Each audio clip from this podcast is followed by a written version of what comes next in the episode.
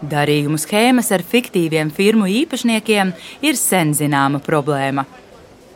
Mazāk zināms ir fakts, ka uzņēmumu reģistrā kā biznesa īpašnieces un vadītājas ir reģistrētas dučiem sieviešu, kas patiesībā iztiku pelna uz ielas pārdodot savu ķermeni. Pēc tam uz maniem ir atvērts vairākas firmas, un pēkšņi es uzzinu, ka es esmu valstī parādā 58,000. Kā prostitūtas nokļuvušas uzņēmumu valdes priekšsēdētāju un īpašnieču statusā? Kāpēc man būtu jāatbild šādiem jautājumiem? Kāpēc? Tas ir mana motivācija, kāpēc? Par prostitūcijā iesaistītu personu lomu nelegālās darījuma schēmās atvērto failu pusstundā stāstīšu es, Baiba Runce. Uzņēmējas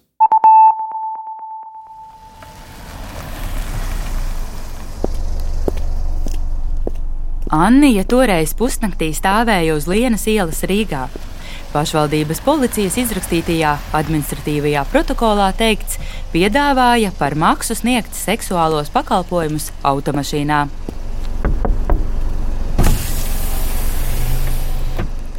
Divu gadu laikā policisti Anniju pieķēra piecas reizes. Viņai uzliktie sodi kopumā pārsniedz 2000 eiro. Annijas vārds šajā raidījumā ir mainīts. Viņa acīm redzami iztiku pelnīja uz ielas. Bet vienlaikus pēc uzņēmumu reģistra datiem viņa kādā apģērbu tirzniecības firmā ir bijusi valdes priekšsēdētāja, vēl vairākās valdes locekle un īpašniece. Visus šos uzņēmumus vieno parādi un tas, ka savu eksistenci tie beiguši ar likvidāciju. Anija tos pārņēmusi neilgi pirms likvidēšanas. Lai neatklātu sieviešu identitāti, nepubliskosim arī uzņēmumu nosaukumus, bet mums tie ir zināmi. Lursovas datubāzē analizējām to darbības vēsturi, īpašnieku maiņu, dibinātāju un amatpersonu tālākos biznesa ceļus. Piemēram, grimstošo apģērbu tirgotāju Annijai atstāja kāds Andrejs Naumovs un Zita Volkova. Šobrīd abiem pieder džinsu veikals Marijas ielā. Labdien! Arī šim uzņēmumam ir nodokļu parāds. Īpašnieku tālruņa numuri nav publiski pieejami. Piesakos pie veikala darbinieces. Labi, jūs man nevarat iedot viņa telefona numuru? Viņa komunikā ar Dēju. Labi, varbūt es varu atstāt savu, ja viņi vēlas, viņi var uzzvanīt. Es pazaudēju. Pierakstīju uz lapiņas arī iemeslu, kāpēc vēlos aprunāties, taču neviens ar mani nesazinājās. Tajā pašā adresē, kur likvidētais apģērbu tirgotājs, reģistrēti vēl divi Annijas uzņēmumi. Viens no tiem piedāvāja juridiskos pakalpojumus. Iepriekš gada pārskatus uzņēmuma vārdā sniedzis Valērijas Prudņikovs. Latvijas Rādio 1 atvērties Jā. Līdz pārbaudīs, ir tāds reitings. Valērijam šobrīd pieder četri uzņēmumi. Divi no tiem tāpat sniedz juridiskos pakalpojumus. Jautāju Valērijam, vai pazīst sievieti, kura nopirka viņa uzņēmumu. Jūs saprotat, ka uzņēmuma kapitāla daļas var nopirkt jebkura persona. Saistīta, nesaistīta, attālināta, radinieki, neradinieki, cilvēks no Amerikas, eh, vispār no Āfrikas. Nu, jā. Nevajag būt saistītam. Nu, tas uzņēmums ir sen pārdots, es jau nu, godīgi biju aizmirsis. Viņš ir sen pārdots, un jūs man atgādājāt, jūs pateicāt, ka likvidēts, jā, paskatieties, likvidēts. Vairs nekas nav zināms.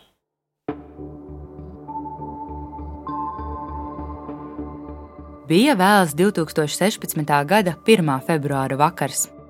Karolīna no policijas saņēma kārtējo protokolu par seksuālo pakalpojumu piedāvāšanu par maksu Jāņa Asarielā.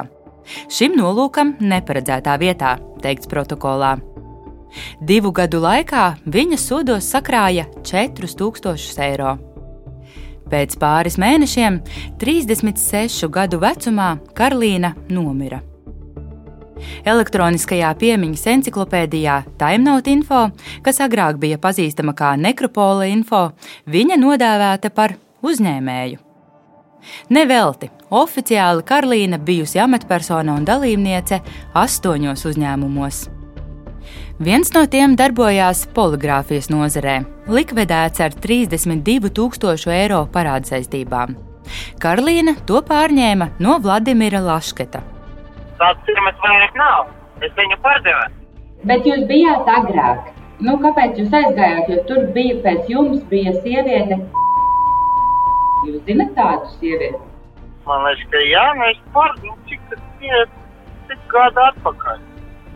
Ļoti daudz gadu atpakaļ tas bija.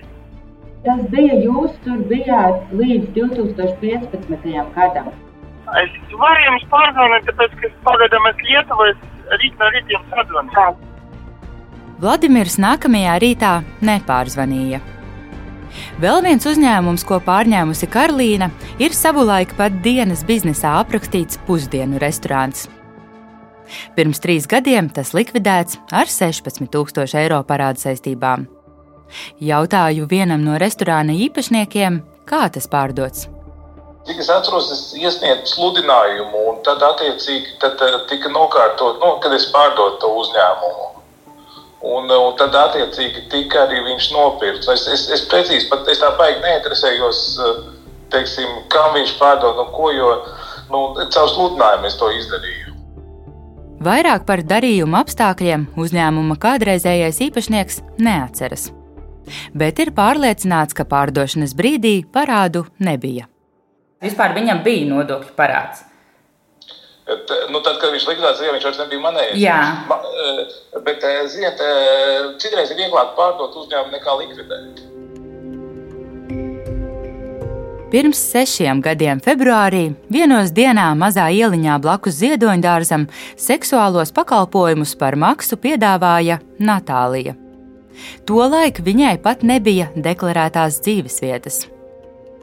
Taču pirms gada Natālija kļuva par valdes locekli kādā mazumtirdzniecības uzņēmumā, kas darbojas Madonas novadā.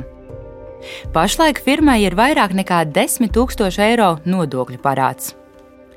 Uzņēmumam norādīts kontaktālrunis. Abonents, kuram jūs zvanāt, neeksistē.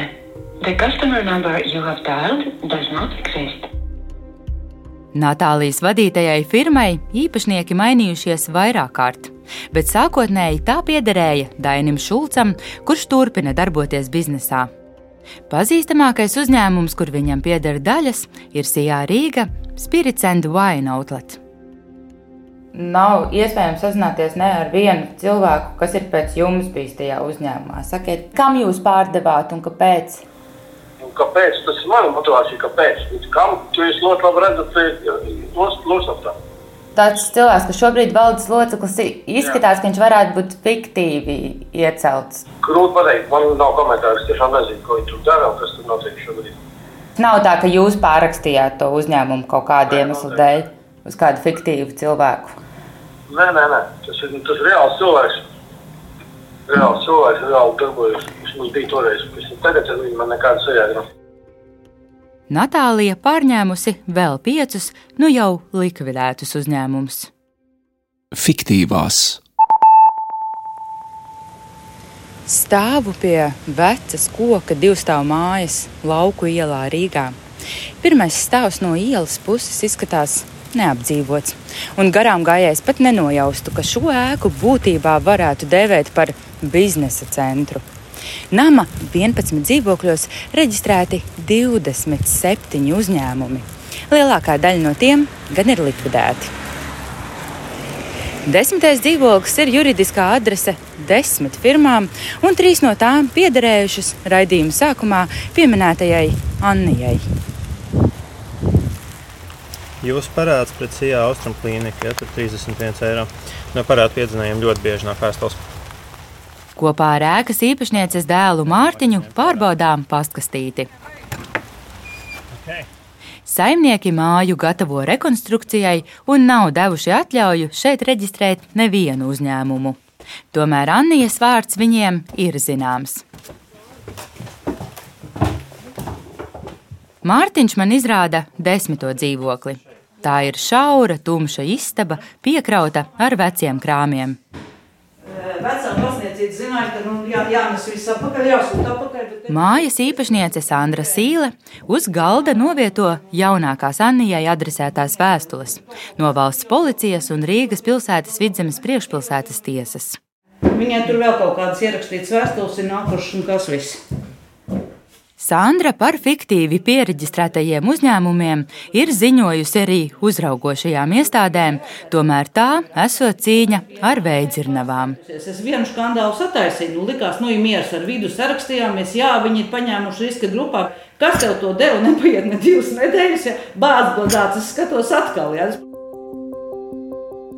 Sandra Sīle pieļauj, ka viņas parakstu nav pārāk grūti viltot, un tas bija redzams visiem iepriekšējiem īrniekiem, jo tika slēgti līgumi. Tāpēc arī izveidojusies šāda situācija. Valsts iestādes problēmu zina gan par fiktīvajiem biznesmeņiem, gan viltus adresēm. Turpina uzņēmumu reģistra valsts galvenā notāre Guna Paidere. Mēs redzējām, ka tur, kur ir šie negodprātīgie gadījumi, tas dokuments nav šķērslis, lai viņu viltot un ļaunprātīgi izmantot konkrētu īpašumu un adresi. Un, tāpēc arī praksē gadījumā mēs, tad, kad kāds sūdzējās, ka tur tiešām tāds uzņēmums neatrodas un es nekādu piekrišanu neesmu devis kā īpašnieks, protams, šie visi materiāli tika sūtīti valsts policijai, ekspertīžu veikšanai. Lielākoties tas viss beidzās ar to, ka jā, tiek konstatēts, ka paraksts ir viltots, bet kurš to ir izdarījis, to manā rīcībā vismaz nav par šiem desmit gadiem informācija, ka būtu noskaidrots uh, kādā brīdī, ka kurš ir viltojis. Šovasar mainīta kārtība juridiskās adreses reģistrēšanai. Turpmāk vajadzēs nevis ēkas īpašnieka piekrišanu, bet valdes loceklim būs jāuzņemas atbildība par nepatiesu ziņu sniegšanu. Izveidots arī riska adrešu saraksts, un vairs nav tik vienkārši reģistrēt uzņēmumu adresē, kur jau mājo desmit komersanti. Tad, pirms veikt juridiskās adreses reģistrāciju, mēs sūtām informāciju valsts ieņēmuma dienestam ar lūgumu sniegt atzinumu, vai pastāv kādi nodokļu riski. Un, tad, cik mums ir tā informācija, tad valsts ieņēmuma dienests arī paskatās uz tiem pārējiem uzņēmumiem, kas ir tajā adresē, Šis mehānisms darbojas vairākus gadus. Iespējams, tāpēc lauku ielas vienā adresē reģistrēti precīzi desmit uzņēmumi un ne vairāk. Anniju lauku ielā nesatieku, taču man izdodas atrast citu fiktīvo uzņēmēju. Jā. Labrīt! Kā tev izskatās, vai tu būsi desmitos? Ar 14 nu jau likvidētu uzņēmumu īpašnieci sarunājām tikties vienā no galvaspilsētas parkiem. Man pretī nāk neliela auguma, smalka sieviete. Viņai vienā rokā termokrūze, otrā kūpoša cigarete. Nadīna, viņas vārds ir mainīts, Rīgā nokļuva bēgot no vārdarbīgām attiecībām. Nu, man apnika, ka mani klapē kā sieviete, kā teiksim, bumbermais. Nu, es aizmuku prom. Viņš sita tevi, ja? Jā. Toreiz Nadīnai nebija nekā. Viņa dzīvojusi un gulējusi, kur pagadās. Lietojusi arī narkotikas. Prostitūcijā viņu netieši iesaistījis jaunais draugs, kurš saņēmis invaliditātes pensiju, taču naudas tāpat vienmēr bijis par maz. Nu, a, kur? Ja man oficiāli darba nav, nekā nav, nekādu dokumentu uz rokām nav. Kas cits atliek? Ja tur ķermeni tirgot, ja es ne, ne, nedabūnu naudu, viņam sākās īši. Tad viņi sāk kārdīties. Par seksuālo pakalpojumu piedāvāšanu Nadīna administratīvi sodīta trīs reizes. Nu, protams, viņi nav neviens nomaksāts. Vēl joprojām, tāpēc, ka es vēl joprojām nestrādāju. Fiktīvajā biznesā viņu iebilinājuši paziņu paziņas. Nadīnai tā bija vēl viena iespēja nopelnīt. Par pirmo firmu, ko atvēra uz viņas vārda, sieviete zināja. Dokumentus parakstīja pie notāra, mēnesī saņēma 100 līdz 150 eiro. Nu, pēc tam sanāca, es ar vienu sievieti uztaisīju vienu firmu, Pēc, kuri, pēc kāda laika es uzzināju, ka viņa uz manu vārdu jau ir uztaisījusi četras vai piecas. Un, un tāpat arī o, otrs vīrietis.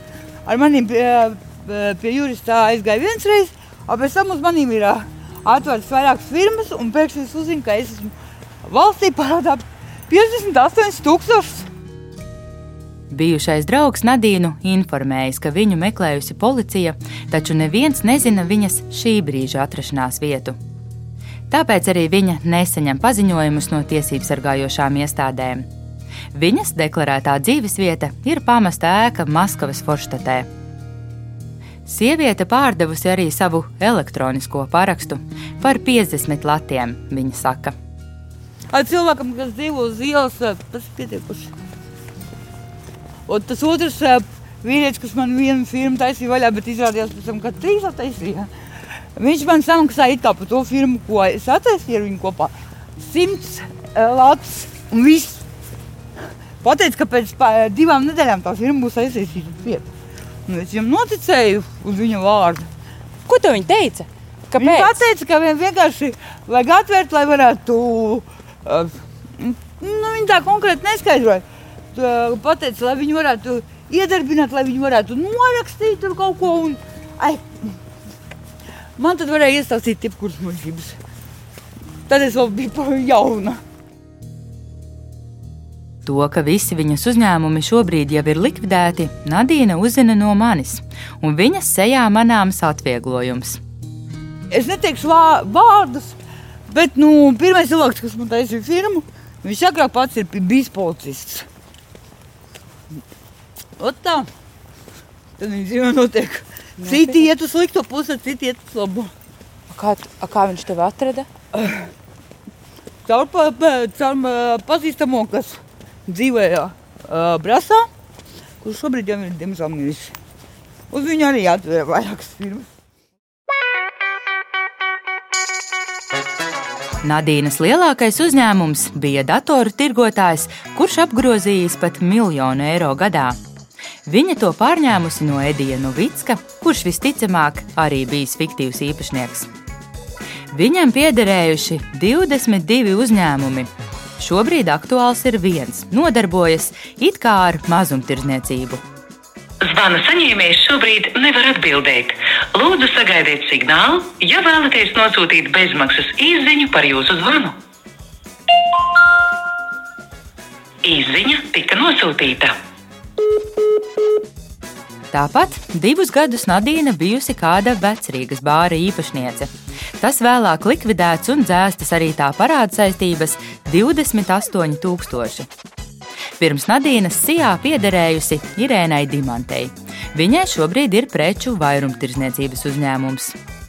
Kāpēc šis uzņēmums tika pārrakstīts? Jo zināms, ka pēc jums persona, kas tur stājās valdē, ir fiktīva. Nu, kāpēc man būtu jāatbild šādiem jautājumiem? Bet vispār, tas jau cik sen atpakaļ jau bija? Tas bija 16. gads, nu 5 gadi. Nu, Nu, nav nemaz tik sen. nu, kāpēc man būtu jāatbild šādiem jautājumiem? Jūs varat neatbildēt. Mans uzdevums ir jautāt. Neoficiāli avoti vēsta, ka arī Irēna īstenībā bija bāra darbiniece, nevis īpašniece. Šobrīd bārs turpina darboties tajās pašās telpās ar citu nosaukumu Sijā un oficiālo īpašnieku. Šogad uzņēmums vairākas reizes saņēmis valsts atbalstu, dīkstāvē esošo darbinieku algām un apgrozāmajiem līdzekļiem. Kopā gandrīz 183 tūkstošus. Uzpircēji. Nu, Ko cenšas panākt tie iepriekšējie īpašnieki un vispārējais? Tā ir pirmkārt sevis atbildības noņemšana par kaut kādiem iespējams nelegāliem darījumiem, izvairīšanos no nodokļu nomaksas, um, finanšu līdzekļu, grāmatvedības neuzskaiti, darbinieku nodarbināšana bez darba līgumiem, kur ir vairāki sodi un viss pārējais. Prostitūtu vārdu nokļūšanu uzņēmumu reģistra datu bāzē skaidro jurists Armāns Logins, kurš agrāk strādājis valsts policijā. Un šī gadījumā tiek atrasta persona, kura pati labprātīgi iegādājas šo uzņēmumu, reģistrē savā teiksim, valdījumā, ja, kad viņi parādās. Par salīdzinoši niecīgu minimālu samaksu. Mēs varam pieiet uz lapu ielas, jebkur pie jebkuras personas un pajautāt, ar tevi eksperimentu nolūkos. Es esmu biznesmenis, tu esi vienkārši cilvēks. Es gribu pārdot, tu esi starpnieks. Un tu saki, klausies, dārgā draudzene, man te okur čomam ir baigie parādi. Sotaku gribi, tev ir ID karte. Nu, viņa teiks, vai nu ir, vai nav.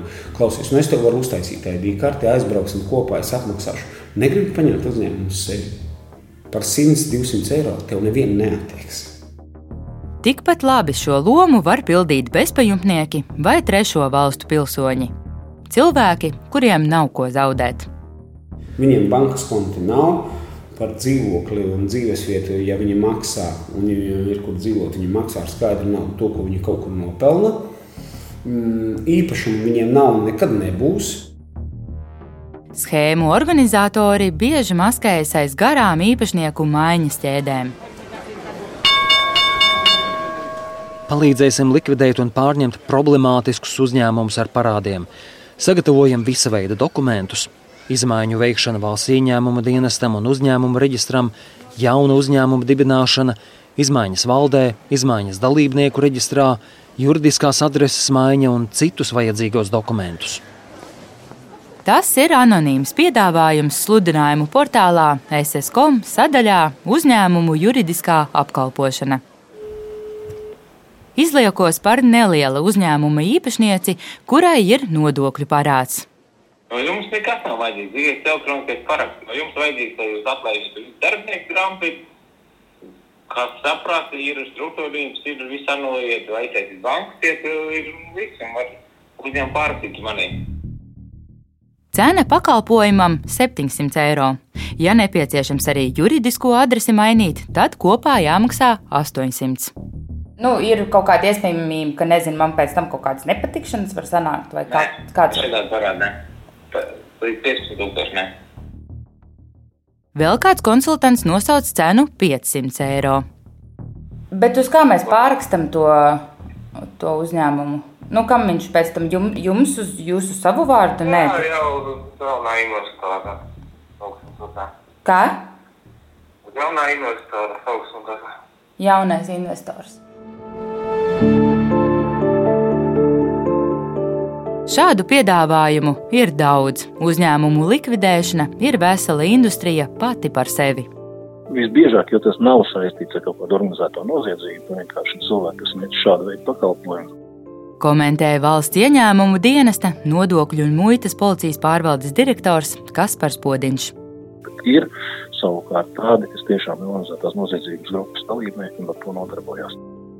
Noziedznieki, kas specializējas fiktīvo amatpersonu vervēšanā, savu darbību internetā visticamāk gan nereklamēs.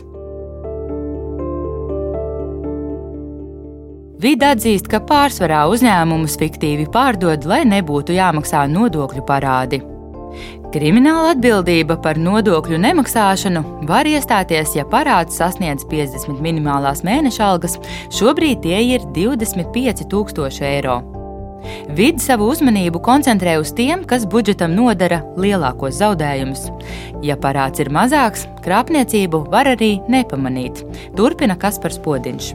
Nu, redziet, tā problēma jau ir tajā, ka attiecīgi uzņēmēji, ja, teiksim, viņam ir legālā uzņēmēja darbība, bet lai viņš nemaksā savā legālajā uzņēmumā nodokļus, viņš dibina šos fiktīvos uzņēmumus un, teiksim, tā tas uzņēmuma darbības laiks ir pietiekoši īss. Nu, tad stādieties priekšā, ja, piemēram, šādi fiktīvi viņa pāraudzībā ir desmit, Un saskaitot šīs summas kopā, tad, tad saprotiet, kāds ir, ir zaudējums valsts budžetam. Un, ja viņi ir 50, tad jau tie būs miljoni.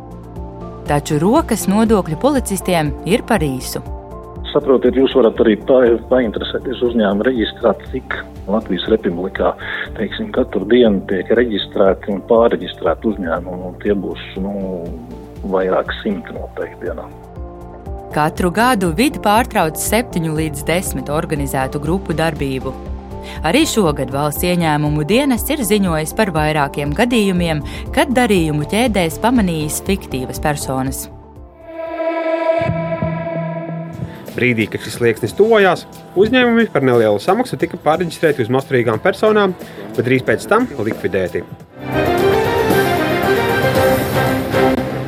Schēma zināma. Uzņēmums, kuram vidi piemērojas soda sankcijas, tiek likvidēts, tā vietā izveidojot jaunu uzņēmumu un turpinot iepriekšējo saimniecisko darbību, tikai jau bez parāda saistībām. Valsts ieņēmumu dienesta nodokļu nomaksas veicināšanas pārvaldes direktore Santa Garanča stāsta, ka no atbildības tomēr nav pasargāti arī valdes locekļi, kuru laikā parāds izveidojies.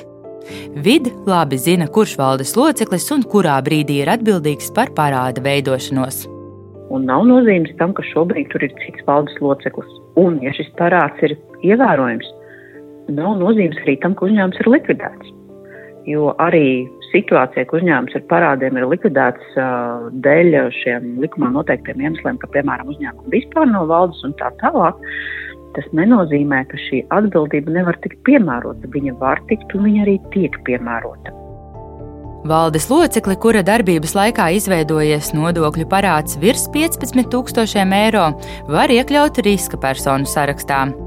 Šiem cilvēkiem vidu un uzņēmumu reģistrs pievērš lielāku uzmanību. Pērn sarakstā iekļautas 262 personas sakarā ar nodokļu parādu. Sīkie parādnieki gan izsprūgs veikā. Schēmas pamatā ir uzņēmumu pārrakstīt uz fiktīvu amatpersonu brīdī, kad parāds vēl nav sasniedzis būtisku apmēru. Tā jau arī tāda tumsas un gaismas cīņa, cik mēs kaut kādus kritērijus ieviešam, tik ātri tie, kas varbūt izdomā šīs schēmas vai krāpjas, viņi jau ātri izdomā arī, kā viņus apiet un kā nepievērst savu uzmanību. Atzīst uzņēmumu reģistra valsts galvenā notāre Guna Paidere. Viņa uzskata, ka uzraudzība pašlaik ir pietiekami liela, un to cilvēku dēļ, kas organizē dažādas schēmas, nevar uzņēmējdarbības uzsākšanu padarīt neciešamu visiem pārējiem. Jautāju Kasparam Podiņam no vidi, vai atbildība jāuzņemas arī fiktīvi iesaistītajiem. Ja mums rīcībā ir informācija, ka šis cilvēks tiešām ir iesaistīts šeit noziedzīgā grupā, tad, protams, mēs arī viņu saucam pie atbildības. Jā, bet pārsvarā gadījumos jau tiešām šie cilvēki vienkārši neapzinās. Un tad, kad cilvēks saņem jau no valsts ziņām dienestu, kā sakot, jau, jau, jau draudu vēstules, nu, tad diezgan bieži ir tā, ka viņi nāk pie mums un saka, nu, palīdziet mums, ko man darīt šādā situācijā. Tikmēr Nadīnu īsti pat neuztrauc fiktīvās amatpersonas status. Viņa aizpīpē otro cigareti un saka: Nesaku, tad es biju vispār, man uz visu bija vienalga. Te jau tu vēl arī lietoji, ne vai nē? Tad es vēl lietoju, jā, jo tad es dzīvoju uz ielas.